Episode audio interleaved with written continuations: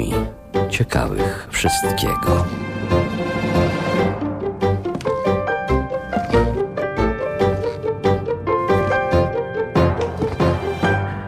Po fakcie człowiek żałuje tylko, że był za dobry, wycedził Adolf Hitler, gdy z Ewą Braun ślubowali sobie nie tyle dozgonną miłość, co wspólne samobójstwo.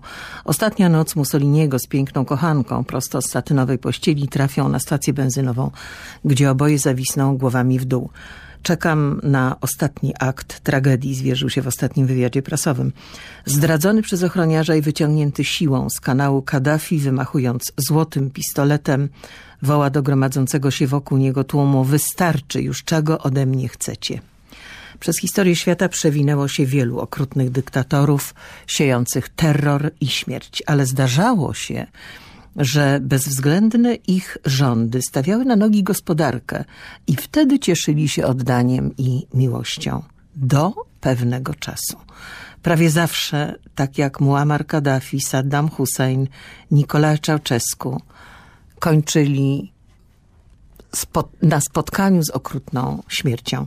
Witam gości w studiu Radia Kraków, pan Kamil Janicki, historyk, tłumacz, publicysta, kierownik redakcji w wydawnictwie Znak Horyzont, także redaktor naczelny internetowych ciekawostek historycznych. Dzień dobry, dzień dobry. A ze mną w studiu dr Adam Burakowski, historyk, politolog i także publicysta z Instytutu Studiów Politycznych Polskiej Akademii Nauk, autor wielu publikacji, między innymi Geniusz Karpat, dyktatura Nikolaja Czałczesku 1965-89. Witam pana. Dzień dobry. Telefon do nas jak zwykle 22 645 22 22. Paweł Siwek, Siwek, wydawca dzisiejszego klubu Ludzi Ciekawych Wszystkiego, będzie odbierał telefony od państwa za pół godziny. Poczta już czynna klcw.polskieradio.pl. Program realizują w studiu w Krakowie Zbigniew Klasa, a z nami w Warszawie w, dwój, w emisyjnym studiu dwójki Jan Gadomski. Adolf Hitler. Józef Stalin, Benito Mussolini, Francisco Franco, Augusto Pinochet, Reza II Pahlavi, Josip Broz Tito, Nikolaja Czałczesku, Idi, Idi Admin, Dada, Addam, Saddam Hussein, Muammar Kaddafi, Kim Jong-il i wielu, wielu innych są bohaterami książki, która sprowokowała nasze spotkanie, czyli Ostatnie dni dyktatorów Diane Duret, wydawnictwo Znak. No i można się zastanawiać, to są bardzo różni ludzie, których historia zaczyna się w różnych miejscach świata. Można się zastanawiać, co ich łączyło, czy coś ich w ogóle łączyło, poza tym, że byli dyktatorami. Doktor Adam Burakowski. Generalnie e, dyktatura może powstać w każdym kraju, w każdym okresie historycznym, czego uczy nas historia. Jednym, znaczy najbardziej znanym, najwcześniejszym dyktatorem był niejaki Sargon z Akadu, który działał na terenie Mezopotamii. I, Starożytne on, dzieje. Tak, tak. I on, on był takim pierwszym naprawdę poświadczonym historycznie. On miał, przynajmniej w tych oficjalnych żywotach, on był synem ludu. To jest częsty, częsty właśnie u dyktatorów, że oni pochodzą z, nie z najwyższych warstw społecznych to, to jest, często się to zdarza. To był też przykład na przykład Hitlera, Nikolaja Czałszewsku. No ale nie można tego powiedzieć na przykład o generale Franco. Tak, dlatego mówię, że często się tak zdarza, Aha. a nie, że tak jest zawsze. Jeżeli byśmy zrobili jakąś statystykę, to wydaje mi się, że więcej niż połowa właśnie dyktatorów pochodziłaby z, nie z elity po prostu społeczeństwa. Może tak, nie, może nie z najniższych warstw, ale, ale nie z elity. Mhm, ja pan... oczywiście najlepiej znam Nikolę Czałszewsku. Który... O tym jeszcze będziemy rozmawiać, o pana bohaterze. Panie Kamilu, czy pan się zgadza? Pan Kamil Janicki. Znaczy powiem tak, ja się zgadzam, może poza tą pierwszą tezą. E, określenie, kto był pierwszym dyktatorem, to jest coś bardzo trudnego. Powiedzmy, tak długo jak monarchia, e, jak władza autorytarna była pewnym standardem, ciężko było odróżnić, co jest monarchią, co jest e, normalnym systemem sprawowania rządów, a co już przechodzi do dyktatury. Ale mhm. to, z czym na pewno bym się zgodził z panem doktorem, rzeczywiście to są ludzie zwykle z niesień społecznych, a może przede wszystkim ludzie z przypadku. Tutaj pani wymieniła wśród tych przykładów dyktatorów pojawiających się w książce i Diego Aminadade. To jest chyba taki bardzo nieznany w Polsce, ale też niesamowicie ciekawy przypadek. To jest człowiek, który był pomocnikiem kucharza, pływakiem, rugbystą, y, mistrzem boksu w Ugandzie i od tych powiedzmy bardzo takich typowych, ludowych y, zawodów niezwiązanych z władzą przeszedł do sprawowania władzy dyktatorskiej. Więc to są ludzie, którzy są albo całkiem przypadkowi, zwyczajni, albo zajmują się rzeczami, które w żaden sposób nie predestynują ich do bycia y, na świeczniku władzy. No i jemu akurat y, udało się uniknąć y, śmierci, bo on sobie całkiem spokojnie y, z dostatnią emeryturą dożył w Arabii Saudyjskiej, więc ni- nic mu się specjalnie złego nie stało, prawda? A zbrodni popełnił co niemiara. Ale to jest bardzo częsty przypadek. E, Ci dyktatorzy, powiedzmy, w moim jakoś odczuciu dzielą się na dwie grupy. Jedni kończą bardzo makrabrycznie, bardzo krwawo, ale z drugiej strony, jeśli tylko uniknie się jakiegoś masowego buntu, e, zdrady, spisku, to dyktatura jest jednym z najlepszych zawodów. E, Oni nie musieli się przejmować ZUS-em, OFE. To byli ludzie, którzy mieli zapewnioną bardzo dostatnią emeryturę. Idi Amin Dada dzięki kontaktom politycznym mógł po prostu uciec z walizką dolarów, pojechać do Arabii Saudyjskiej, miał tam wszystko. Miał swojego Cadillaca, samolotem przywożono mu raz w tygodniu ulubione jedzenie z Ugandy, e, miał wielką willę, rezydencję, kochanki, wszystko. Nawet kiedy zaczął obłożnie chorować, kilkakrotnie przeszczepiano mu e, nerki, robiono wszystko. E, I to nie jest jedyny przypadek. Alfred Stroessner e, z Paragwaju też po prostu wyjechał z walizką dolarów. W przypadku dyktatora Filipin było tak samo. Na Hawajach dożył swoich dni. Więc bycie dyktatorem nie zawsze jest taką złą pracą. Może ja się tutaj nie zgodzę. ym, Z Doktor Adam Burakowski. z, z, nie zgodzę się z panem redaktorem. Yy, Podam taki przykład. Kiedyś byłem w Bułgarii, w Sozopolu. To jest y, taki kurort y, ze znajomym, y, który y, przez pewien czas y, był w rządzie bułgarskim. Y, I on mi pokazywał, że tu mieszka taki, tu mieszka taki, szef banku, tutaj dyrektor jakiegoś dużego przedsiębiorstwa. I on mi powiedział tak, ja też mógłbym mieć tu willę i żyć tak jak oni, ale ja chcę mieć spokojny sen.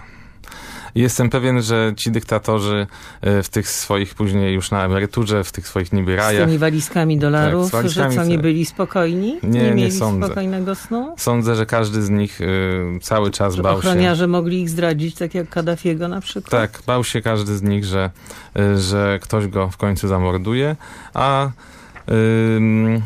jestem y, przekonany, że obawiali się też sądu ostatecznego y, i dotyczyło to również tych, którzy otwarcie głosili ateizm.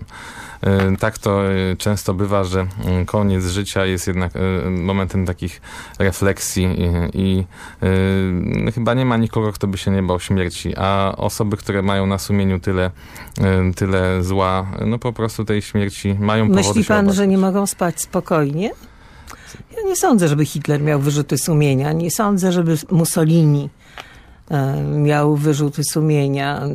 Czy ja tutaj też, jeśli mogę dopowiedzieć, Mhm. to jednak w wielkiej części byli ludzie, którzy już na tym etapie byli pozbawieni jakichkolwiek wyrzutów sumienia. Oni Tak byli myślę. przekonani, że to, co oni mówią, jest prawdą, no siłą rzeczy, mania wielkości.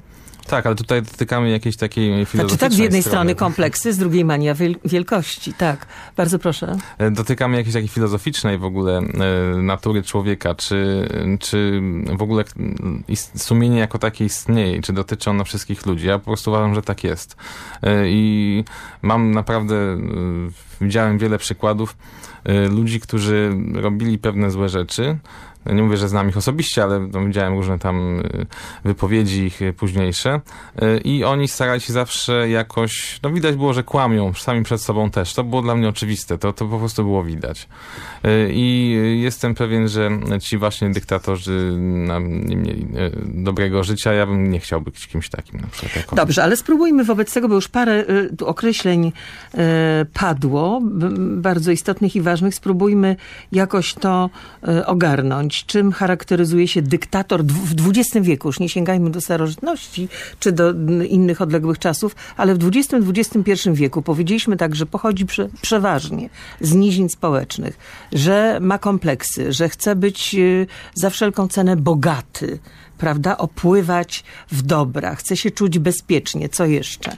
Mieć galeon w swojej rezydencji, żeby tak naj, e, najbardziej, najświeższy przykład. e, No dobrze, podać. to wobec tego, czy, czy Janukowycz był, a Putin jest dyktatorem? Do tych wszystkich moich pytań, najpierw spróbujmy scharakteryzować. Pana Kamila też poproszę Janickiego. Znaczy, ja tutaj może na jakichś konkretnych przykładach, bo jak pan doktor słusznie zauważył, zeszliśmy trochę na jakieś filozofię. E, może spójrzmy na konkretnego dyktatora, Saddam Hussein. On fajnie pokazuje, fajnie, e, od czego zaczynali ci ludzie. To też był człowiek znikąd, ale człowiek o bardzo trudnym dzieciństwie, traumatycznym, człowiek, który został na różne sposoby skrzywdzony jako dziecko. Miał e, ojca sadystę, wychowywał się następnie z wujkiem, e, wziął ślub na odległość 1300 kilometrów z kuzynką, której nie kochał, ale został do tego jakby zmuszony. To byli ludzie, którzy nie mieli jakiejś e, predyspozycji w młodości. To nie jest człowiek, który w wieku 15 lat już przywodził jakiemuś gangowi i doskonale wiedział, że chce panować w przyszłości. Zwykle zagubieni chłopcy, nie wiedzący, co chcą zrobić w życiu, mający jakieś wzory osobowe, które ślepo wierzą. Tak jak w przypadku Saddama Husseina to był jego wuj. E, Wuj antysemita, rasista, szowinista, który napisał książkę Trzy rasy, które Bóg niepotrzebnie stworzył, Persowie, Żydzi i muchy.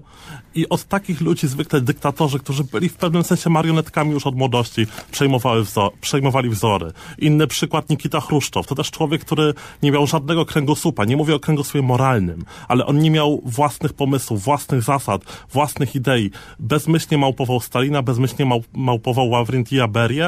E, po czym, korzystając z cudzych pomysłów, sprawował władzę. To jest bardzo często przy dyktatorów. Niewielu jest dyktatorów, którzy stworzyli własny styl rządzenia, którzy byli zbrodniarzami, ponieważ wymyślili tą formułę. Taki był Hitler, taki był może Stalin. Reszta to są ludzie, no w pewnym sensie smutni. Ale to z tego, co pan mówi, to należałoby im raczej współczuć niż ich potępiać, bo zawsze jest jakieś trudne dzieciństwo, zawsze jest jakaś nędza i bieda i brak jedzenia. Znaczy nie zawsze, ale często. Prawda? A potem nagle Znaczy, Są to postacie... po- przejmują pod władzę. No właśnie, ale też nie zawsze przejmują tę władzę na drodze zamachu stanu czy rewolty. Nikolaj Bardzo często to jest władza, która leżała na ulicy. Aha. No właśnie tutaj przy- przykład Nikolaja Ceausescu, który przyjął władzę zupełnie w sposób pokojowy. Jego poprzednik zmarł z przyczyn naturalnych, powiedzmy, bo są też... Różne tak, wersje. Są różne wersje, no ale zakładając, że te, tak było, to po prostu em, doprowadził do tego, że, em, że Komitet Centralny wybrał go, em, go pierwszym sekretarzem na zasadzie no, takich po prostu rozgrywek interpersonalnych. To nie było nic brutalnego w tym. Mhm. A wróćmy do tego mojego pytania, czy Janukowycz był, a Putin jest dyktatorem? Czy mieści się w tej charakterystyce, którą panowie zarysowali? E, Janukowycza moim zdaniem możemy już zacząć oceniać, bo on się chyba skończył i nie sądzę, żeby wrócił, chociaż nigdy nie wiemy, co się stanie w przyszłości. Nigdy nie E, mów nigdy. Właśnie. I, i e, może będzie miał jakieś swoje 100 dni, jak, jak Napoleon, e, czego mu nie życzę zresztą. Raczej narodowi ukraińskiemu tego nie życzymy. no, jemu też. Jemu też. ale wydaje się, że możemy go oceniać i wydaje mi się, że to był taki, e, on mógł zostać kiedyś dyktatorem, natomiast nie udało mu się doprowadzić do, e, do eliminacji opozycji i, i tutaj po prostu jego, jego droga została przerwana. E, Jeśli chodzi o Putina, uważam, że jeszcze jest za wcześnie, żeby oceniać, czy, czy on e, jest dyktatorem, czy nie. Zobaczymy, co się stanie w przyszłości. No, on idzie oczywiście, zmierza w tę stronę mm, tej twardej dyktatury. To jest oczywiste, że on chce nim być, ale pytanie takie, czy ktoś go nie powstrzyma i czy nagle nie okaże się, że, y, że był, był, a nagle go nie ma. Pan, Znaczy, panie Kamilu, ja pan tutaj Kamil Janicki. panem- Mhm. Ja bym się z panem doktorem jednak do końca nie zgodził. Może dlatego, że e, nie będąc naukowcem, tylko publicystą, mogę sobie pozwolić na jakieś trochę odważniejsze tezy. E, myślę, że nie można podchodzić na zasadzie, że dyktatorem jest ktoś dopiero wtedy, kiedy Popełni e, zyska zbrodnię. władzę stuprocentową, kiedy popełni straszne zbrodnie. To by sprawiało, że takich dyktatorów per se mielibyśmy w historii bardzo niewielu. Dyktator to jest osoba, która jest w stanie rządzić bez liczenia się szczególnego z opozycją, ale zawsze są jakieś czynniki, które rozgrywają się w tle. Dyktator dyktatorzy bardzo często dochodzą do władzy y, w wyborach, bardzo często y, muszą rozgrywać koterie, które są z nimi związane. Natomiast to nie znaczy, że nie są dyktatorami. Moim zdaniem Janukowycz w momencie, kiedy zdecydował się zerwać system demokratyczny, więc z jednej strony zdecydował się strzelać do ludzi, z drugiej strony oparł swoją władzę już całkowicie na wsparciu innego państwa. To jest ten moment, mhm. kiedy władza jakoś nie w pełni demokratyczna, ale jednak bliska demokracji, nawet demokracji sterowanej, przechodzi do dyktatury. Natomiast Putin, e, tutaj nie mam wątpliwości. Jeśli człowiek nie potrzebuje wyborów, jeśli jego władza e, jest niezależna od ludzi, to jest już dyktatura. E, zresztą myślę, że można szeroko traktować termin dyktatury. Przykładowo nasz, nasi dyktatorzy w Polsce to nie są tylko ludzie rządzący po 1944 roku. Tak samo Józefa Piłsudskiego można jak najbardziej nazywać dyktatorem. Może dyktatorem popieranym przez bardzo dużą część społeczeństwa, ale jednak człowiekiem, który, który stał za stworzeniem obozu koncentracyjnego w Berecie Kartuskiej, za twierdzą brzeską, który doszedł do władzy w zamachu stanu, krwawym zamachu stanu. Więc y, tutaj nie bałbym się określania Janukowycza. Jeśli Piłsudski mógł być dyktatorem, tak samo ukraiński dyktator. Przepraszam, ja tutaj bym się jednak bał określenia obóz koncentracyjny wobec Berezy tak, Kartuskiej. Tak, tak, tak, ja e... też protestuję. Znaczy, dobrze, to ja, w, jeśli chodzi o protest, pozwolę sobie zacytować Gazetę Polską, która przed wojną była rządowym organem, w której przedstawiciel Ministerstwa Spraw Wewnętrznych napisał będą w Polsce obozy koncentracyjne, bo tego chcemy, zakładamy obóz w Berezie. To jest określenie, którego używały polskie władze przed wojną. Ono później, w 40, w latach 40.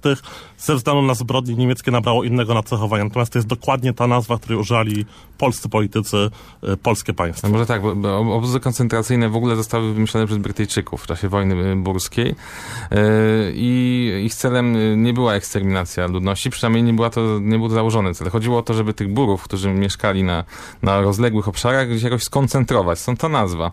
Natomiast później to nabrało już tego charakteru y, bardziej mm, no, takiego kryminalnego. I no uważam, że mimo wszystko nie należy nadużywać tego określenia.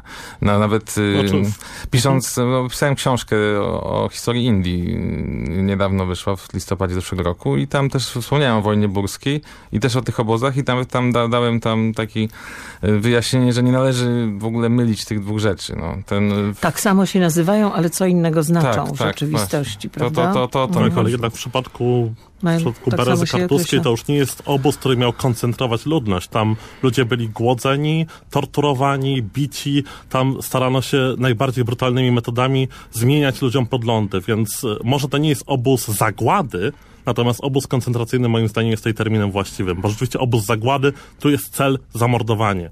Oświęciem y, nazistowski niemiecki, y, kierowany przez Niemców, to jest obóz zagłady. Natomiast y, Bereza Ja myślę, że Bereza to jednak było ciężkie odczuciu... więzienie, a trudno to określać chyba obozem koncentracyjnym. Tak, było to ciężkie. wszystko. Tak. To, że prasa w, w, w dwudziestoleciu międzywojennym określała Berezę jako obóz koncentracyjny, to chyba wynikało jednak z czegoś innego. Tak, no nie, było, nie była znana tam dalsza historia mm. jakby tego pojęcia, prawda? Więc no, ja tutaj bym był naprawdę ostrożny, żeby zrównywać Piłsudskiego z, z dyktatorami późniejszymi no nie, no nie. z systemem mm. komunistycznym. Ale tak skoro dalej. pan powiedział o tym, e, pan Kamil Janicki, że mm, no właśnie to jest tak, że część społeczeństwa może nawet uwielbiać i kochać tego swojego wodza, tak aby tak się było w przypadku na przykład generała Augusto Pinocheta, który w ciągu 17 lat swojej wojskowej dyktatury kazał zamordować około 3000 ludzi. Kazał zamordować. Odsuńmy to porównanie do Piłsudskiego, bo to w ogóle inna kategoria. Natomiast kiedy umierał w szpitalu wojskowym w Santiago, to no, nie wszyscy mieszkańcy byli szczęśliwi, jego poddani, jeżeli tak to można określić, że on, e, że on odchodzi wreszcie dlatego że wielu płakało po prostu po nim i do dzisiaj chilijskie społeczeństwo jest podzielone. Nie ma zgody y, co do tego, czy to była dyktatura, czy on był dyktatorem, czy nie. Mało tego, była taka sytuacja, że y, żelazna lady, czyli Margaret Thatcher, wysłała depeszę i y, wyrażała głębokie zasmucenie z powodu śmierci Pinocheta to co z nim wobec tego? Był dyktatorem, którego należy y, określić jednoznacznie, czy nie? Może powiem tak, w wielu społeczeństwach, tych, które przeszły przez dy dyktatury, istnieje nostalgia za tymi czasami dyktatury. Po No prostu ym, dyktatorzy w ogóle on, y, no, apelują do pewnej części natury człowieka. I oni tę część eksploatują. Po prostu to nie jest tak, że moim zdaniem, że, że wszyscy chcą wolności. Jest pewna część ludzi i też każdy ma w sobie pewnie część taką, która y, woli stabilność, znaczy może bardziej ceni stabilność niż wolność, y, przewidywalność pewną i dyktatura coś takiego oferowała. Y, Znaczy w ogóle dyktatura jako system władzy. Generalnie dyktatorzy y, dają do zrozumienia wszystkim, że będą rządzić wiecznie. I niektórzy, niektórym się to podoba. Że, że po prostu tak będzie zawsze i nic się nie będzie zmieniać i będzie można się spokojnie skoncentrować na życiu prywatnym, podczas gdy y, życie polityczne będzie całkowicie wypełnione przez, y, przez właśnie y, tę dyktaturę y, i już nie trzeba będzie w ogóle y, zastanawiać się, kto ma rację, bo i tak wiadomo, kto ma rację. Mhm. Panie Ja Kamilu, bym pan jednak mm, trochę inną odpowiedź na to pytanie. Tutaj jakby zgadzam się z tym, mówi co pan doktor, natomiast e, mm, to nie jest takie proste moim zdaniem. Nie da się zarysować jasnej granicy, kiedy dyktatura się zaczyna. Tak jak mówiliśmy przed momentem o Janukowyczu, o Putinie, e, ilu trzeba ludzi zabić, żeby zostać dyktatorem? Czy to jest stu, czy to jest tysiąc? W przypadku Pinocheta nie mamy jakby wątpliwości. Skala tych zbrodni jest oczywista. W przypadku Piłsudskiego, jak państwo zauważyliście, to nie jest takie jasne. Czy jeśli zginęło między, przez niego 200 ludzi, jeśli założył jeden obóz, który nie jesteśmy pewien, czy był koncentracyjny, czy to jest dyktator, czy nie? Jeśli nie jest dyktatorem, to kim jest? W wielu krajach taka jest sytuacja. E, Na ciekawostkach historycznych opublikowaliśmy e, miesiąc temu artykuł Łaskawy tyran na ranking najlepszych dyktatorów w historii, który miał właśnie włożyć kij w mrowisko, gdzie pokazaliśmy kilku dyktatorów kochanych przez swoje społeczeństwa. Ludzi, którzy e, wprawdzie nie dawali żadnej wolnej ręki społeczeństwu, nie pozwalali na wybory, ale jednak prowadzili politykę w ten sposób, że przez długi czas byli uwielbiani, że nawet nie musieli się odwoływać do zbrodni. E, Takim dyktatorem mógłby, można by nazwać na przykład e, e, generała Franco. A, tak, ale też e, Nassera, czy w Egipcie, czy ewentualnie założyciela współczesnej Turcji Ataturka.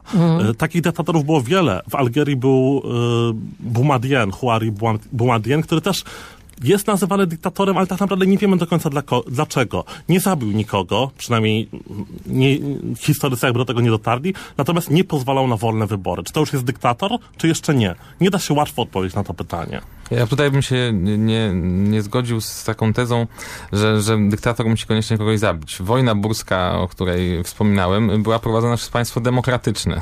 Całkowicie. E, Tam nie było żadnej dyktatury w Wielkiej Brytanii. E, No, znaczy wtedy. No, jedyna dyktatura w Wielkiej Brytanii to był Oliver Cromwell. E, No, w początek XX wieku to było całkowicie demokratyczne państwo i ono prowadziło politykę tak naprawdę eksterminacji burów w, w południowej Afryce. Więc to nie jest moim zdaniem tutaj y, konieczny wyznacznik, chociaż oczywiście często on się y, zdarza. Natomiast... y, Tak, tylko py- tak, tak, pytanie, co jest w takim razie wyznacznikiem dyktatury? System rządów, po prostu. Sku- Skupienie maksymalnej władzy w rękach jednego człowieka, ewentualnie, y, no, y, jak w przypadku Ceausescu, jego i jego żony. Tak No to naprawdę- dlaczego pan ma, panie doktorze, wątpliwości co do Putina? To jest władza w jednym ręku. No tak, ale my naprawdę, y, tak Przecież naprawdę... to, czy on raz jest premierem, czy on jest prezydentem, to, to jest to samo. To jest władza w jego ręku. Tak, to może- Niedźwiediew jest tylko dodatkiem. Może odpowiem, skąd, z czego wnikają moje y, wątpliwości. Y, Po prostu z punktu widzenia historyka. Y, My nie znamy tak naprawdę kulisów tej władzy. My je poznamy, jak ta władza się skończy. I wtedy może się okazać, że tak naprawdę Putin był marionetką sterowaną przez jakieś koterie, że tak naprawdę rządził tam ktoś inny. Takie były przypadki w historii. Oczywiście może być inaczej, ale y, może się okazać, że naprawdę jego władza była iluzoryczna. Nie wiem, po prostu tego nie wiem. I dlatego tylko z tego powodu y, tutaj y, nie chciałbym nazwać Putina dyktatorem, bo po prostu jest za wcześnie, żeby to ocenić. Znaczy, w, przy- Proszę bardzo. w W przypadku Putina, powiem tak, e, rozumiem to podejście. On jest bardzo często w historii, że tak długo jakiś rozdział nie jest zakończony, nie chcemy się o nim wypowiadać. Natomiast jednak Putin ma już wiele biografii, biografii pisanych przez ludzi, którzy byli z nimi związani. Nawet e, jeden z autorów jego przemówień, czyli osoba bardzo bliska Putinowi, napisała książkę poświęconą jego systemowi władzy. Bardzo wiele osób ten system analizowało. Wydaje mi się, że to jednak e, wiemy na tyle dużo, żeby pewne oceny wyciągać. Ale może ważniejsza rzecz. Czy naprawdę ta jednoosobowość władzy jest kluczowym kryterium? Było wielu dyktatorów, o których dzisiaj wiemy, że byli marionetkami, a mimo to dalej nazywamy ich dyktatorami.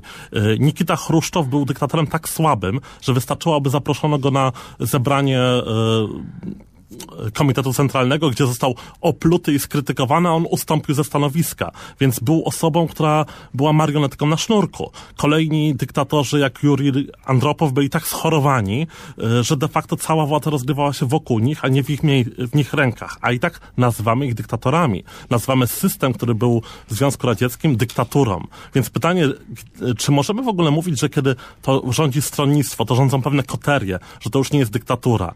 E, czy może jednak tą linią graniczną, przynajmniej w pewnym przybliżeniu, nie jest raczej odejście od demokracji do rządów osoby lub niewielkiej grupy skupionej wokół tej osoby. W tym drugim przypadku nie będziemy mieć wątpliwości, że rządy Putina są dyktaturą. Może to nie są rządy jednostkowe, ponieważ jest tam wielu oligarchów wokół niego. Tak samo o Janukowyczu od dawna mówiono, że gdyby tylko oligarchowie na Ukrainie chcieli obalić Janukowycza, zrobiliby to. Ale to nie znaczy, że nie był dyktatorem. Znaczy, że był dyktatorem, który miał określone plecy. Mhm. To może teraz, przy, ponieważ za 4 minuty uruchomimy telefon 22 645 22 22 i zapraszamy Państwa do rozmowy z naszymi gośćmi. Przypomnę, doktor Adam Burakowski i pan Kamil Janicki są dzisiaj w klubie Ludzi Ciekawych Wszystkiego naszymi gośćmi, a adres poczty elektronicznej klcw.polskieradio.pl i napisał pan Jacek z Wałbrzycha, kiedy władza autorytarna zmienia się w totalitarną. To jest pierwsze pytanie. E, drugie pytanie. Czy rządy dyktatorów, e, pan e, Jacek, też Jacek, ale z Krasnego Stawu, czy rządy dyktatorów przyczyniają się do rozwoju krajów, w których rządzą, czy raczej przyczyniają się do skostnienia istniejących stosunków politycznych w państwie i do zacofania? To proszę, żeby panowie sobie zapamiętywali te pytania. I e, jeszcze jeden mail. Pani Maria pyta, czy można byłoby stworzyć psychologiczny portret dyktatora, portret, model w pewien sposób uniwersalny dla większości dyktatorów. No, próbujemy to robić moim zdaniem. Mm, i pytanie, czy dyktatorzy mogą zostać i być dyktatorami bez odpowiednio dużego poparcia społecznego, a więc bez jakiejś formy zgody tych, nad którymi sprawują władzę dyktatorską. Drugie pytanie, czy znane są przykłady dyktatorów anonimowych lub na wpół anonimowych, którzy rządzili z tylnego fotela, posługując się ludźmi sprawującymi władzę oficjalnie, choć nie faktycznie, to pytanie pana Wojciecha z Krakowa. Proszę, który z panów zechce odpowiedzieć, bo już są następne. Maile się sypią. Może ja bym odpowiedział na pytanie... Doktor Adam Burakowski. Jaka jest różnica między autorytaryzmem a totalitaryzmem? Ja, dla mnie jest bardzo prosta. W systemie totalitarnym nie ma własności prywatnej. Po prostu. E, I dlatego system komunistyczny w takim klasycznym swoim e, rozumieniu jest, jest systemem totalitarnym. Natomiast e, systemy takie jak na przykład obecnie w Iranie, no to, to nie jest system totalitarny, bo tam istnieje własność prywatna. Jest oczywiście, jest monowładza, ale istnieją normalne przedsiębiorstwa, które działają na zasadach rynkowych. Mhm. Znaczy, ja bym tutaj zapytał, czy może pan doktor kupował kiedyś e, proszek do pieczenia doktora Edgara? Pewnie tak, Pewnie tak. ja też. Pamiętam, Znaczy, bo bądź co bądź doktor Edgar, założyciel tej firmy, był człowiekiem prywatnym, sympatyzującym z Hitlerem, który założył swoją firmę przed rządami nazistowskimi, utrzymał ją w okresie rządów nazistowskich, rozwinął wielki biznes i do dzisiaj no, każdy z nas od czasu do czasu kupuje doktora Edgera. Więc ta własność prywatna trzeciej Rzeszy jak no, najbardziej A jak możemy wobec tego nazwać Hugo Bossa, który szył mundury dla armii niemieckiej. Tak samo, tylko jakby y, ja tu się nie zgodzę w żadnym razie, że własność prywatna może być jedynym wyznacznikiem. Bo to by oznaczało, że jedyny rodzaj dyktatury to dyktatura o ideach komunistycznych, y, równościowych. Natomiast y, głęboko jestem jednak przekonany, że totalitaryzm niemiecki był systemem totalitarnym, że Hitler to nie była władza autorytarna, to nie była władza jakiejś miękkiej dyktatury. To była dyktatura posunięta do skrajności. Tak, ja tutaj się zgodzę, tylko że proszę zauważyć, że, że to, co było w czasach Hitlera, po pierwsze było dosyć krótkim okresem y, i to ewidentnie zmierzało do tego, że państwo miało coraz więcej do powiedzenia w tych właśnie firmach prywatnych. Y, w ogóle własność, własność mm, środków produkcji w Niemczech była coraz bardziej jakby koncentrowana w, w rękach państwa. I państwo narzucało warunki i prawdopodobnie, oczywiście nie możemy się opowiadać o tym, co by było, a tylko o tym, co było, ale no, można to widać, że to po prostu zmierzało do tego, że państwo przejmowało coraz kolejne, y, kolejne y, gałęzie gospodarki i koncentrowało się jakby wszystko, wszystko właśnie w rękach państwa. Y, I nawet te firmy prywatne, które istniały, no to jak sam pan powiedział, współpracowały z reżimem po części dlatego, że go popierały po prostu, a po części były do tego zmuszane przez warunki rynkowe. I być może doprowadziłoby to właśnie do tego, że, że państwo przejęłoby tę własność. Panie Kamilu, pytanie było jeszcze pana Jacka z Krasnego Stawu na temat tego, czy y, przyczyniają się dyktatury do skostnienia czy do, i zacofania, czy raczej może też do rozwoju kraju. Znaczy, powiem tak, w moim I tak, i tak pewnie na, się zdarza. Mhm. na oparciu, w oparciu o te wszystkie przykłady, które też omawialiśmy u nas na portalu, publikując kilka artykułów poświęconych tyranom, staraliśmy się pokazać ten temat z różnych stron. O krwawych końcach tyranów pisaliśmy, o tych luksusowych emeryturach, ale też właśnie o dobrych tyranach. I to ostatnie jakby najbardziej czytelników zainteresowało, bo często powiedzmy pierwszy etap dyktatury, nawet pierwszy etap tyranii dla, dla wielu osób jest czymś korzystnym, ponieważ przede wszystkim wprowadza w państwie porządek. To było widać zarówno w Egipcie, Egipcie, to widzimy teraz, kiedy obserwujemy tą arabską wiosnę, że tak długo jak te dyktatury panowały, były y, reżimami odrzucającymi wszelką wolność, wszelką demokrację. Natomiast jedno, co było jednak y, i w Tunezji, y, i w Egipcie, to był porządek. Oczywiście jest pytanie, jaką cenę społeczeństwo może ponosić za to, żeby był porządek. Więc w tych pierwszych okresach zwykle było widać bardzo dużą zmianę na plus w tym sensie, że zwykły człowiek, jeśli nie chciał brać udziału w polityce, jeśli go nie interesowało, kto rządzi, jeśli nie był tak ambitny, żeby móc w jakikolwiek sposób wejść w drogę państwo, jeśli nie chciał mieć tej własności prywatnej, szeroko rozumianej, wychodzącej poza własny dom i yy, w najlepszym razie samochód, wtedy ludzie byli szczęśliwi. E, problem mieli ludzie ambitni. Natomiast drugi etap to jest to skostnienie. Jednak dyktatury nigdy nie są w stanie się rozwijać. To było widać doskonale na przykładzie Związku Radzieckiego. Kolejni dyktatorzy byli wybierani przez te koterie rządzące Związkiem Radzieckim tak, że ich byli ludzi, ludźmi jak najbardziej konserwatywnymi. Tutaj przykład wspomnianego przeze mnie z jednej strony Jurija Andropowa, ale może jeszcze lepiej Konstantina Czernienki. To jest dyktator, którego absolutnie nikt nie pamięta. On został wybrany na y, sekretarza generalnego, będąc już obłożnie śmiertelnie chorym. Przez rok leżał w łóżku, jedyne co zrobił, to wziął udział w dyskusji, czy socjalizm w Związku Radzieckim jest rozwijający się, czy rozwinięty. I po tym, jak wydał werdykt, że jest socjalizmem zbliżającym się do rozwinięcia, umarł poczuciu dobrze spełnionego obowiązku. E, ale ja chcę to jest system, tak. który się nie może rozwijać. Tak, ale ja jeszcze chcę, bo i za moment odbi zaczniemy odbierać telefony, wiem, że już państwo czekają, ale w związku z tym przejmowaniem e, władzy, to jednak było tak, że e, znaczy, na przykład, skoro już jesteśmy przy Związku Radzieckim, że po śmierci Stalina, kiedy te trumny z zabalsamowanym ojczulkiem narodu wystawiono na widok publiczny, to tłumy rozszlochane, rozpłakane, były tak wielkie, że bardzo wiele osób po prostu zostało stratowanych. A przypomnijmy, że umierał w swojej daczy na podłodze.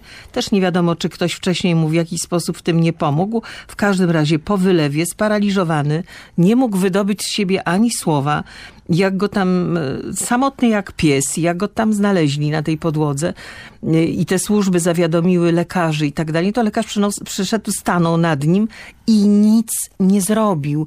Nikt mu nie pomógł. Natomiast Beria i Chruszczow bardzo szybko zabrali się stamtąd i zaczęli niszczyć dokumenty, które mogłyby w jakimkolwiek, w jakikolwiek stopniu wskazywać na ich udział w jakichś e, zbrodniczych poczynaniach Stalina.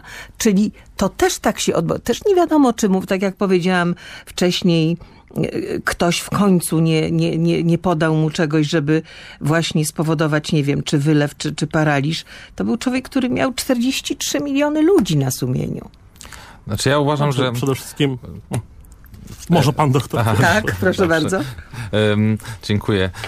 E, uważam, że te emocje, te szlochy ludności były po części autentyczne. To znaczy sam... Żałoby, tak, tak, tak, tak. tak.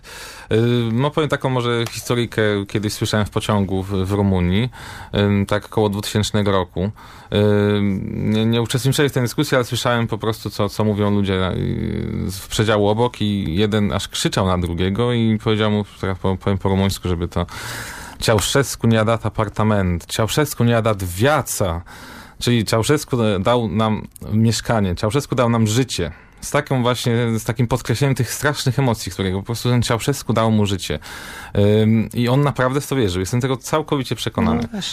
I, i, że, znaczy, I żałoba po, po, po śmierci niektórych dyktatorów jest na pewno do pewnego stopnia autentyczna. Może nie tak jak em, to, co widzieliśmy ostatnio w Korei, em, kiedy jeden z e, żałobników e, e, przerwał tę żałobę po kilkudziesięciu dniach, został za to rozstrzelany. E, No to wiadomo, że część była reżyserowana tego, ale i zmuszane. E, Zmuszani byli ludzie. Natomiast część przecież na pewno była autentyczna. Odbieramy telefony. Przepraszam, że tak długo Państwo czekają. 22 645 22 22. Halo? E, Dzień dobry Państwu. Dzień dobry, witam. Bardzo wielu dyktatorów e, pochodziło z Afryki. Ja chciałbym zapytać się Państwa, czy nie uważacie Państwo, że dekolonizacja e, wielu afrykańskich e, państw nie spowodowała tego wysypu bezwzględnych dyktatorów? Dziękuję bardzo. Dziękuję bardzo. Kolejny telefon. Za chwilę odpowiemy na wszystkie. Halo? Dzień dobry Państwu. Witam Pana. Wspaniała audy- audycja. Panowie mówili, że, mm, że Piłsudski nie był dyktatorem. Ja uważam, że no, był dyktatorem, oczywiście łagodnym dyktatorem. Okoliczności by, były takie, że musiał stosować takie środki, jakie były, ale też ginęli generałowie, prawda? Opozycyjni. Do tej pory nie wiadomo, co z nimi działo, jak ginęli. To trzeba rozwiązać, że no, był łagodnym dy- dyktatorem. To pierwsze pytanie. A drugie, czy to prawda, że Clara Petacci i Mussolini zostali powieszeni na, na nogi, za nogi, prawda? Ale czy oni przedtem zginęli, czy, czy nie zginęli, czy zostali rozstrzelani? Dziękuję Dobrze, dziękujemy bardzo. I jeszcze jeden telefon i poproszę Panów, naszych gości o odpowiedź. Halo? Halo, Witam Panią. Dzień dobry. Dzień dobry. Proszę pani, ja tak ad vocem do dyktatora, w cudzysłowie Piłsudskiego. Dzięki temu dyktatorowi mamy, odzyskaliśmy niepodległość. Proszę pani. A o dyktatorach, generale Jaruzelskim i teraz tą władzę Donalda Tuska też można porównać do dyktatorstwa, bo rządzi jeden człowiek z własnymi koteriami, a że nie zabił niczego, no ale Jaruzelski ile osób zabił? Dziękuję bardzo. Dziękujemy bardzo. Y, 22 645 22 22. Zacznijmy może od y, końca, czyli telefonu naszej słuchaczki. Bardzo proszę, pan doktor Marek Borakowski. E, Adam, przepraszam, Borakowski. Ym, może tak. Ym, Ja, nazwisko Jaruzelskiego tu nie padło jeszcze wcześniej, ale to tylko dlatego, że po prostu mówiliśmy o innych. Absolutnie nie powinno tutaj paść. Uważam, że Jaruzelski był dyktatorem, natomiast y, Piłsudski nie. Piłsudski wprowadzał y, rządy autorytarne. To jest, y, to jest taka moja... Tak, ale co do tego się zgadzamy. Myśmy nie powiedzieli, czy ja na pewno nie powiedziałam, że Piłsudski był dyktatorem. Zaprotestowałam nawet, tak, tak. Proszę bardzo, panie Adamie, kończy, do, dokończyć myśl. E, Znaczy, e, e, on, mówię teraz o Jaruzelskim, ewidentnie no, był dyktatorem, stał na czele państwa totalitarnego. Natomiast on nie skończył tak jak jego kolega. E, Wszyscy, wszyscy to wiemy. Ceausescu był bardziej dogmatyczny. Tak, tak mi się zdaje, był mniej elastyczny i, i to, to go zgubiło. Yy, Mussolini. Mussolini i jego kochanka. Przepraszam, że panie redaktorze, chciałbym ja odpowiedzieć na to pytanie, bo e, Proszę byłem, bardzo, byłem ja niedawno w Mediolanie. Tak. Właśnie by- byłem niedawno w Mediolanie i, e, i chciałem zobaczyć tę stację benzynową e, na Piazzale Loreto, ale ona już, już jej tam nie ma.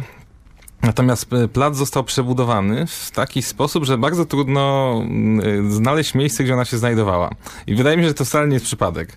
E, Faktycznie oni zostali powieszeni na, na, tej stacji benzynowej, to na internecie można znaleźć zdjęcia bardzo drastyczne z tego. Natomiast oni zostali zamordowani wcześniej. W Znaczy, bardzo brutalny tak, sposób, ale no, wcześniej. Nie wiem, wiem, że byli bici, wiem, że byli skopani, opluci, a nawet oddawano na nich mocz. Ale czy powieszono ich jeszcze żywych, czy już byli martwi, tego nie wiem.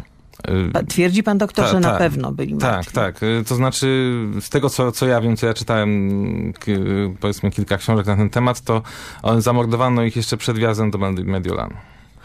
E, Afryka i dekolonizacja. Czy dekolonizacja, tak jak nasz e, słuchacz e, e, przypuszcza, miała wpływ na wysyp dyktatorów w Afryce? Pan Kamil Janicki. E, Dobrze, to ja wziąłem na siebie Afrykę, ale jeszcze pozwolę sobie dopowiedzieć w kwestii Piłsudskiego e, i Jaruzelskiego. Tutaj raz jeszcze jest kwestia tych e, niezbyt wyraźnych granic. Na przykład Jaruzelski, tutaj nie ma wątpliwości, że to był dyktator. Nie ma wątpliwości, że to jest człowiek, który ma na sumieniu z jednej strony stan wojenny, z drugiej strony wszystkich ludzi, którzy wtedy zginęli. Oczywiście, Ale życie ludzi, no, Nazywanie na rządów sumieniu. Jaruzelskiego w całości, czy rządów PRL-owskich systemem totalitarnym, moim zdaniem to nie jest takie jasne. Nie chcę tutaj mówić, że to nie był system totalitarny, ale automatycznie wtedy ustawiamy w jednej linii rządy Jaruzelskiego z rządami Hitlera i Stalina. E, Jednak trudno stawiać tutaj e, znak równości. Dlatego słowo dyktator, moim zdaniem, to samo to jedno słowo e, jest dużo szersze niż tylko właśnie określenie tych najbardziej drastycznych, najbardziej prowadzących najbardziej tyrań, tyrańską władzę y, ludzi.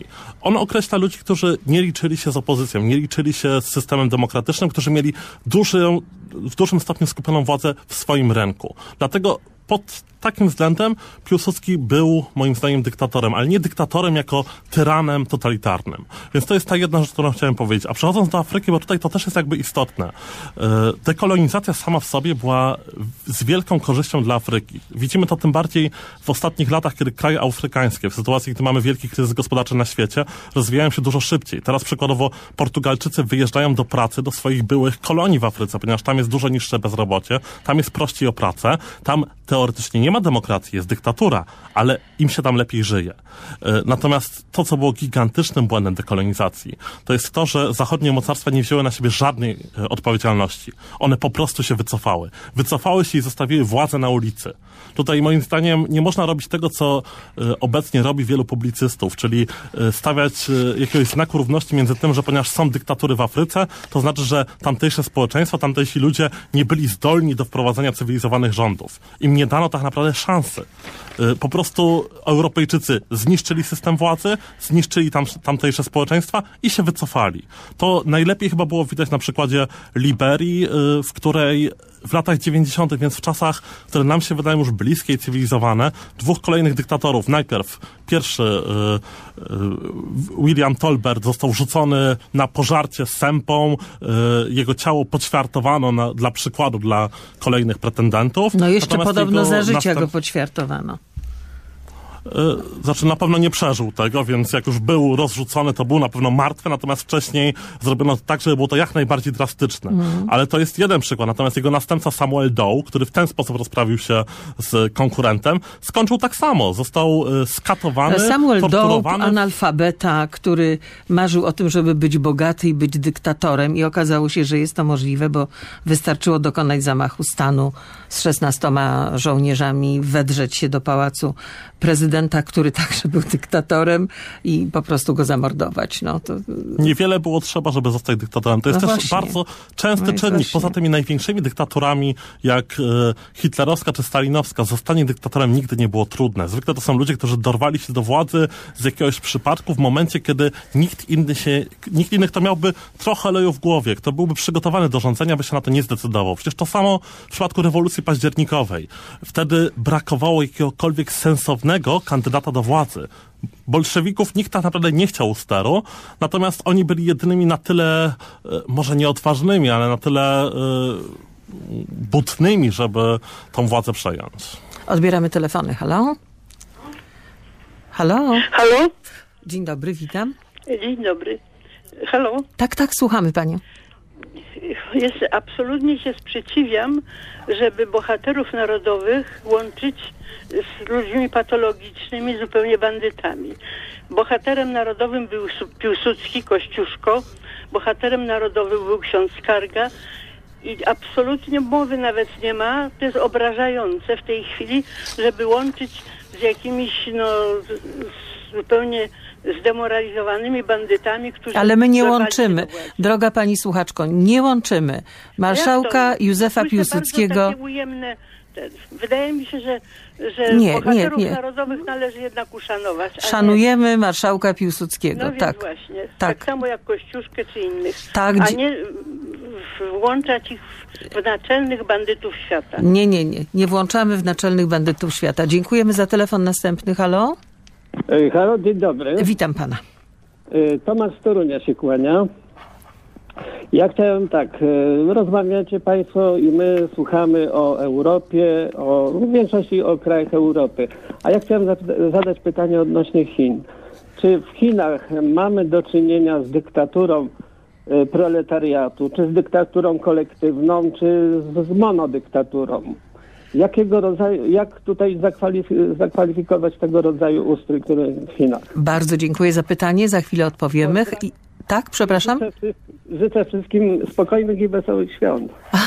Dziękujemy z dużym wyprzedzeniem. Jest pan pierwszy. Jest pan pierwszy z życzeniami. Dziękujemy bardzo. I wzajemnie życzymy pięknych świąt. Jeszcze jeden telefon. Halo? Nie, już nie ma. To dwa- 22 645 22 22. Bardzo proszę, który z panów zechce powiedzieć o Chinach. No To może ja się wyrwę pierwszy tym razem. Proszę, pan E, Kamil W przypadku. Chin to jest ciekawy bardzo przypadek, bo to jest chyba pierwsza dyktatura w ogóle w historii świata, e, przynajmniej taka szeroko rozpoznawana, gdzie przywódcy e, już od kilkudziesięciu lat honorowo każdy kolejny po 10 latach ustępuje. Więc e, czy można to w ogóle nazywać dalej klasyczną dyktaturą? No. E, Tutaj nawet nie ma władzy skupionej wokół jednego człowieka, bo ci ludzie, wokół których skupia się władza, się zmieniają przechodzą na emeryturę, rezygnują z tej władzy. Oczywiście są bogaci wpływowi, yy, natomiast nie było przypadku, żeby któryś z nich próbował wrócić do tej władzy, próbował sterować Chinami z tylnego siedzenia. Więc tutaj to jest chyba system dyktatorski, który powoli przechodzi do takiej władzy kolektywnej, ale władzy oligarchicznej, w której po prostu jest duża, licząca kilka tysięcy osób, yy, grupa osób wpływowych należących do yy, tej czołówki władzy, należących do partii, do komitetu centralnego.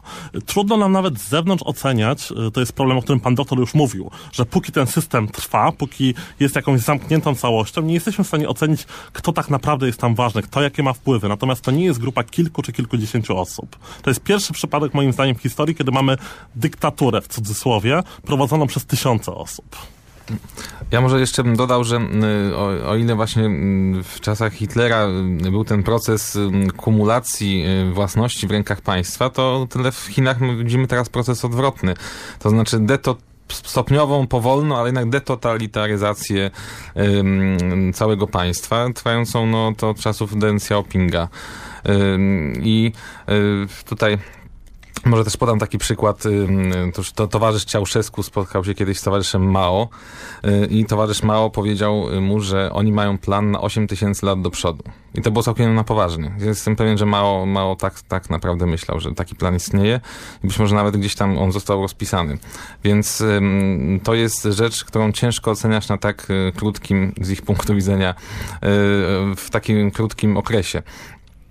Y, Przepraszam, że panu wejdę w słowo. Czy y, Mussolini y, y, przeczuwał, że powiedział, że czekam na ostatni akt tragedii, przeczuwał, że to się tak może skończyć. Czy Czałczesku do końca był pewny, że nic mu nie zrobią, nawet wtedy, kiedy stanął przed tym na szybko zwołanym sądem wojskowym razem ze swoją żoną Eleną?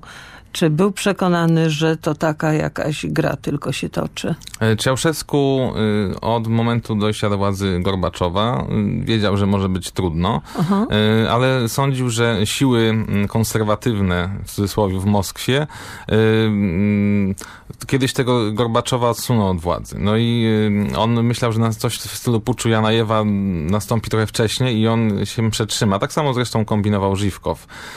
Obaj chcieli to przeciągnąć, natomiast mniej więcej od 87 roku Ceausescu przestał czytywać raporty sporządzane przez Securitate, które do, do niego docierały. Znaczy tracił kontakt z rzeczywistością i jego zachowanie bardzo, bardzo rzeczywiście zdradzało to, że on już nie nadąża za tymi zmianami.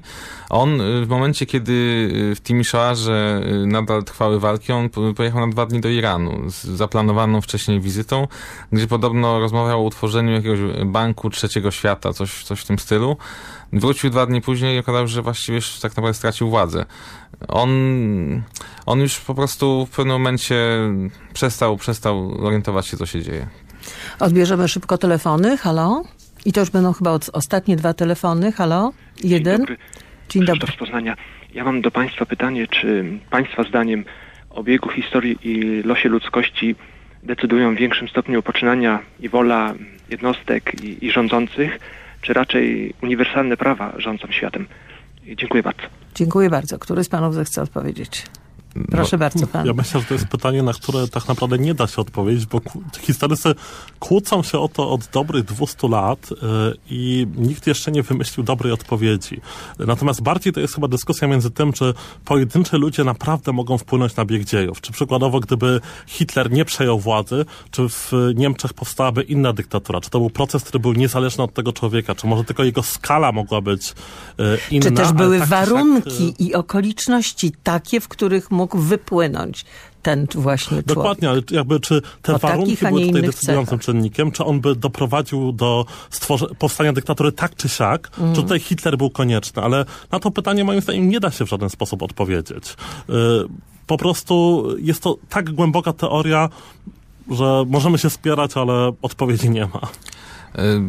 Historycy często zastanawiają się nad takim właśnie zagadnieniem. Rola jednostki w historii. I tak naprawdę nikt nie doszedł do żadnych y, przekonujących przynajmniej mnie rezultatów. To znaczy, wszystko zależy od tylu czynników, że że w pewnym momencie da się powiedzieć, że tak, faktycznie, że jeżeli ten człowiek w tym konkretnym miejscu się znajdował, to to się stało, ale tak jak właśnie z Hitlerem, pytanie, czy jakiś inny dyktator by się nie pojawił, no ciężko się, ciężko tutaj znaleźć odpowiedź, natomiast jedno jest pewne, historycy zajmują się tym, co było, a nie tym, co być mogło. Mhm. To jeszcze... E, tutaj... Proszę bardzo. Mhm. Mnie tu jedno bardzo cieszy, że na koniec doszliśmy do jednego punktu, w którym się zgadzamy z panem doktorem. Mnie to też cieszy bardzo. Dobrze, bo tu jeszcze, jeszcze nam zostały y, pytania, na które panowie nie odpowiedzieli. Ja przypominam o tym pytaniu pana Wojciecha z Krakowa. Czy dyktatorzy mogą zostać i być dyktatorami bez odpowiednio dużego poparcia społecznego, a więc bez pewnej, y, pewnego rodzaju no, przyzwolenia społecznego? Moim zdaniem to jest niemożliwe. Zawsze mm, taka władza no, nie bierze się znikąd. Jest jakiś, jakiś potencjał społeczny, który, który po prostu ją popiera. Y, I ten potencjał może być większy lub mniejszy, ale jakaś grupa wyraźna w społeczeństwie mm, po prostu musi istnieć, bo dyktator, każdy, kto sprawuje jakąś władzę, musi się na kimś oprzeć. A dyktatorzy często właśnie opierają się na, na, na, na ludzie, na, y, na społeczeństwie, bo oni walczą z kolei właśnie z oligarchią, czyli z, z taką grupą naj, najbardziej wpływowych, y, najbogatszych ludzi, których jest powiedzmy o zależności od wielkości kraju od, od kilkudziesięciu do kilku tysięcy y, i jakby lud jest ich naturalnym sojusznikiem, takich dyktatorów. To ja muszę teraz, na, na, już się zbliżamy do końca naszej audycji, nie odpowiemy na wszystkie maile, bardzo przepraszam, ale jest po prostu zasypana skrzynka mailami panów obarczy odpowiedziami. Pozwolę sobie przesłać na, na, na panów maile, przynajmniej adresy mailowe, przynajmniej niektóre. Natomiast chciałam zwrócić uwagę na jedną rzecz. Mianowicie taką, że y, tak się skróciły wszelkie dystanse. Wszystko widzimy. Nawet śmierć okrutnie zadawaną człowiekowi bez względu na to, kim on jest. Ja myślę w tej chwili o Którego śmierć y, filmowano telefonem y, komórkowym, prawda? On pytał, co robicie, to zabronione. Y, I te jego słowa jeszcze bardziej rozwścieczyły ludzi i krzyczeli do niego, zamknij się ty psie, że, że to jest kara i ktoś tam mu wy, wymierzał kopniaki.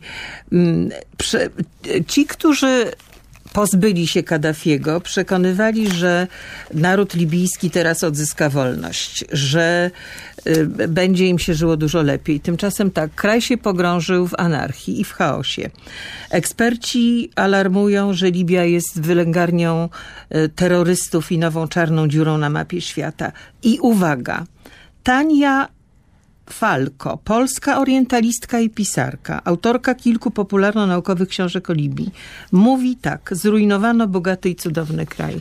Ona mieszka od 13 lat, mieszkała przez 13 lat w Libii, była nauczycielką w polskiej szkole w Trypolisie i mówi o przywilejach, jakimi cieszyli się Libijczycy przed rewolucją, przed zamordowaniem Kaddafiego darmowe dla wszystkich obywateli prąd i woda, pożyczki bez oprocentowania, dotacje państwowe na mieszkania dla młodych małżeństw, książeczka rodzinna, na którą małżeństwa kupowały za symboliczną kwotę całe wyposażenie y, swojego pierwszego domu, bezpłatna edukacja także dla dziewcząt, y, nie mówiąc już o stypendiach, bo przecież również te stypendia do Polski, na polskie uczelnie otrzymywali młodzi ludzie w Libii. Opieka zdrowotna, wysokie becikowe wyprawka na...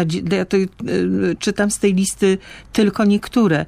Mm, rządowe stypendia to właśnie dla studentów. Ci, którzy chcieli zostać rolnikami, otrzymywali ziemię, budynki gospodarcze, sprzęt. Na skomplikowane operacje medyczne Libijczycy otrzymywali fundowany przez rząd pobyt w zagranicznych szpitalach. Kaddafi wybudował wielką sztuczną rzekę, aby zapewnić nawodnienie pustynnemu krajowi. Oczywiście wiadomo, że i on, i jego armia i jego synowie zażywali wiagrę po to, żeby gwałcić e, kobiety w, w tysiącach, to już trudno policzyć ile.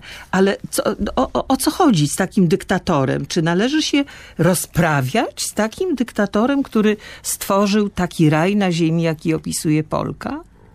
Znaczy tutaj pani chyba potwierdziła właśnie, że dyktatura nie jest czymś prostym do zdefiniowania. Aha. Dyktatorzy często mają duże poparcie, często dla wielu grup społecznych ich rządy są korzystne. Tak było w przypadku Kaddafiego, natomiast były te wszystkie grupy, które były ciemiężone, które należały do innych konkurencyjnych plemion, które wcale nie miały żadnego becikowego, ale żyły w nędzy, bez tak naprawdę żadnego wsparcia państwa, które były szykanowane. Byli opozycyjni politycy, którzy byli mordowani.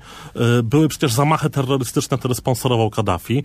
Y, dyktatura to nie jest coś prostego. To są rządy, które dlatego się utrzymują, bo w wielu rejonach odpowiadają ludziom. Mogą odpowiadać, tak jak pan doktor podkreślił, społeczeństwo, jeśli opierają się na tych nizinach społecznych. Mogą odpowiadać oligarchii, tak jak przez długi czas było w przypadku Janukowycza i Ukrainy, gdzie ci najpotężniejsi ludzie widzieli swój interes w rządach Janukowycza. Y, natomiast jedno, co ja na koniec jeszcze powiedział, to co jest przykre, y, to co jest smutne, jakoś napawa wielkim pesymizmem co do obecnej sytuacji politycznej. Żyjemy w tej epoce informacji. Tak jak pani powiedziała, dystanse się skróciły. E, każdy ma komputer, komórkę. Wydaje nam się, że to jest szczyt ludzkiej cywilizacji, że nigdy nie byliśmy tak rozwinięci jako e, cywilizacja. Natomiast nic się nie zmienia. Dalej są krwawe dyktatury. E, dalej, jeśli dyktatorzy są obalani, to w sposób brutalny, nie liczący się z żadnym systemem etycznym, z żadnymi trybunałami. Nie jest tak, że aresztujemy dyktatora, jest wysyłany do Hagi. Tak się zdarzyło tylko raz, a ile lat to jeszcze wymagało w przypadku Miloszewicza. E, dalej to są krwawe rozprawy. Mieliśmy przecież krwawą wojnę w Bośni. Były przypadki Samulea Do zaledwie 20 lat temu. Krwawa Bośna, Więc, no nie... E, wojna w, na Bałkanach to przecież konsekwencja polityki Tity, o którym nie powiedzieliśmy. A który też draże Tito też był dyktatorem. E, panowie drodzy, musimy kończyć. Ta książka Ostatnie dni dyktatorów Diane Duret, e, wydawnictwo Znak uświadamia, że dyktatorzy nie zniknęli, że światem nadal rządzą szaleńcy, że liczne narody wciąż żyją nie tylko na ich łasce, ale pod ich jarzmem i nawet jeżeli się udaje obalić tyrana, to cena za to jest niewyobrażalna. E, polecam tę książkę, proszę ją uprzedzam, że czasami można parę nocy zarwać, bo jak się zaczyna czytać, to nie można przestać. Bardzo dziękuję. Wylosuję, rozlosujemy cztery egzemplarze tej książki. Dwa dla słuchaczy e, dzwon, telefonujących do nas, dwa dla słuchaczy piszących do nas, ale już nie na antenie, bo 20 maili to już nie będziemy zgadywać kto, tylko zrobimy to po audycji. Naszymi gośćmi byli dr Adam Burakowski, Kamil Janicki w studiu e, Radia Kraków. Bardzo panom dziękuję i słuchaczom dziękuję za telefony i maile. Do usłyszenia. Hanna Maria Giza.